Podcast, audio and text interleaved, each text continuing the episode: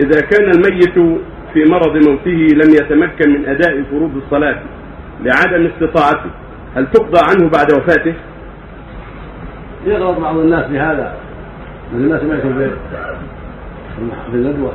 بعض الناس إذا مرض يتساهل الصلاة ولا يصلي يقول إذا شفيت أقضي وهذا غلط. قد يموت في المستشفى هذا غلط. الواجب عليه أن يصلي على حسب حاله قائما أو قاعدا أو على جنبه. أو مستلقيا كما سمعت في المحاضرة. هكذا مضى النبي صلى الله عليه وسلم. وإذا عجز عن الماء صلي بالتيمم. وإذا صلى ما تيسر له التيمم ولا ما صلى على حسب حاله. ولو أن ثيابه نجس ولو أن صلى نجس صلي على حسب حاله. فاتقوا الله ما استطعتم. إن استطاع الوضوء توضأ التيمم تيمم. إن استطاع يغير ثيابه غير ثيابه. إن استطاع يغير وصلى غير مصلى أما أن يتساهل يقول بعدين إذا إلى الله صلي هذا غلط لا يجوز. النبي قال للمريض صلي قائما. فإن صرف قاعدا فإن صرف على جنب فإن لم تستوي مستلقيا والذي لا يجد الماء يتيمم والعاجز يتيمم ليس له عذر هذا غلط.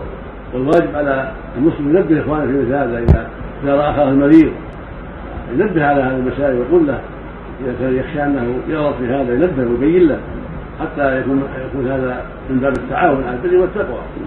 وإذا مات ولم يصلي ما عليه قضاء يدعى له بالمغفره والعفو لأنه تركها لشبهه جاهل يظن أن هذا هو الأفضل. ليس حكم حكم من ترك من تعمد تركها مكابره أو تساهلا.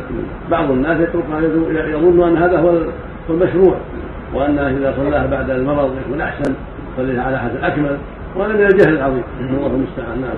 إذا تركها شيخ ومات وهو تارك إذا تركها يعني وهو وعد نفسه إنه إذا تعافى يرجع كل هذا غلط غلط لكن تركها ومات وهو لا ما تقضى عنه لكن إن شاء الله يرجع له العفو من الله. إذا تركها الصلاه الصلاه هي تركها عامدا متعمدا ما صلى اطلاقا. إذا كان تساهل يكون كافر لا لا يغسل ولا يصلى عليه. ولا جمع مسلمين. أما إذا كان قصد يقول اني عندك هذا نجس ويرى أن تأخيرها أفضل من رجال جهله